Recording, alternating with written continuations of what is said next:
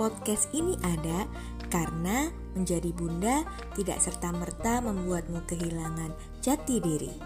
Semua bunda butuh dukungan dan mengetahui ada sesamanya yang berani bercerita tentang ketidaksempurnaannya kadang membuat bunda lain menerima dirinya apa adanya.